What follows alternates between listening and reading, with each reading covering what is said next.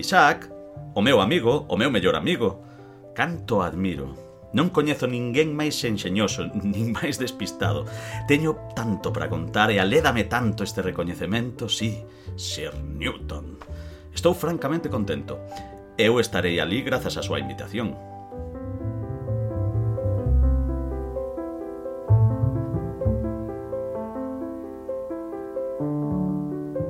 Coñecémonos dende nenos. íamos á mesma escola e cando podíamos, xuntábamonos.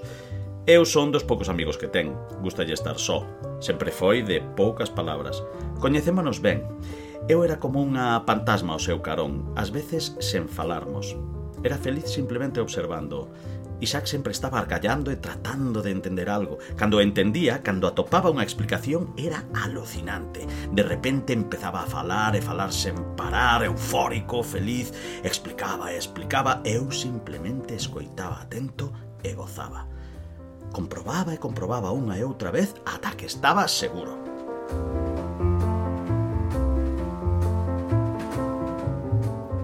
Moitas, sí, anécdotas, moitas. Lembro un día que cheguei á cociña e comprobei que tiña un ovo na man e o reloxo na pota. Así eran os seus despistes.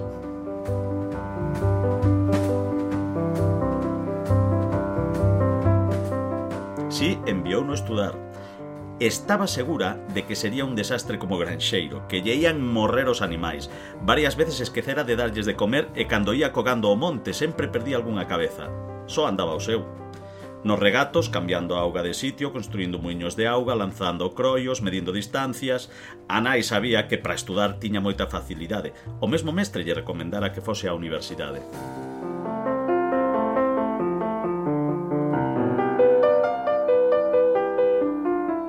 Non, non perdemos o contacto, non, non. Funo ver varias veces e sempre co mesmo ritual como a unha sombra. Na universidade relacionábase pouco, non tiña tempo. Rodeado de libros e paseando polo cuarto pasaba o tempo pensando e pensando. Algúns compañeiros ríanse del porque saía a pasear e ia falando só, e tropezando coa xente. Era como se o mundo estivese dentro da súa cabeza.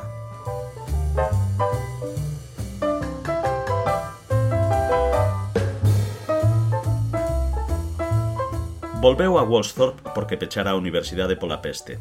Estábamos na súa casa e saímos pasear, era unha noite moi clara. Dunha maceira caeu unha mazá. Nun intre quedou mudo, pero moi ensimesmado. Empezou a tirar a mazá cara arriba, cara abaixo, preguntábase por que a mazá caía perpendicular e ollaba a lúa. Entón entrou na súa fase de illamento e preguntas. Por que non caía a lúa? Que a suxeitaba? Por que os corpos, cando nada os suxeitaban, caían?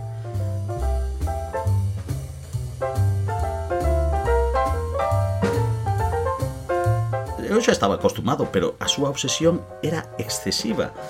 Quería dormir na súa casa, pero fora imposible. Estivera toda a noite matinando por qué. Por qué. Debuxaba, paseaba, lía.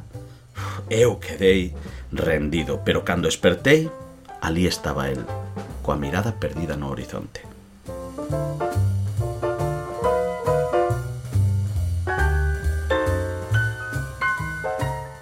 No seu cuarto case non había espazo.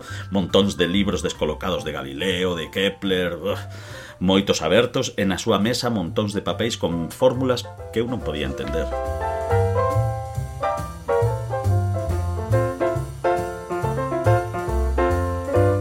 Estivo con febre e non quería nin comer, nin dormir, así varios días. Súa nai pediume que pasara pola súa casa e estaba moi preocupada. Cheguei e asustoume o seu aspecto descoidado, todo desguedellado. El abrazoume e berrou Atopeina, atopei a explicación Sabes por que non cae a lúa? Estaba feliz, falaba moi rápido Estaba moi excitado Era difícil de entender para min, pero el falaba e falaba. A mazá cae sempre perpendicular porque a Terra atrae. Esta forza que chamamos gravidade esténdese por todo o universo. A Lúa sí que cae, senón desaparecería no infinito, pero outra forza suxeita. A forza centrífuga empuxa a Lúa cara ao exterior. Eh? Colleu unha bola pequena suxeita por un cordón e explicoumo. Imagina que esta bola é a Lúa e a miña man é a Terra sería a gravidade que atrae a bola cara a man, pero se movo a bola, a forza centrífuga expulsa a bola cara ao exterior e as dúas forzas compénsanse. Cae cara a terra indefinidamente, pero sempre á mesma distancia. Falou de Kepler e de Galileo, eu non podía seguirlo na súa explicación, pero estaba fascinado. Admirábao tanto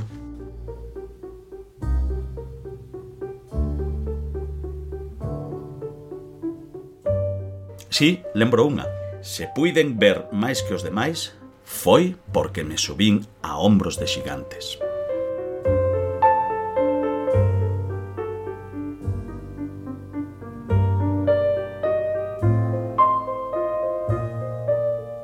Unha tímida raiola de sol na súa cabeza espertouno. Estaba sentado diante do ordenador. Aínda estaba aberto con aquela nova. Newton e a mazá saen dos arquivos da Royal Society. O traballo de física tibero en vela toda a noite. Foise para a ducha e mentres deixaba que a auga fose esbarando polo seu corpo, sorriu e exclamou. Meu Deus, co como me afectou o traballo. Pasei a noite respondendo unha entrevista como se fose o mellor amigo de Newton. Eu sí que me subín a hombros de xigantes.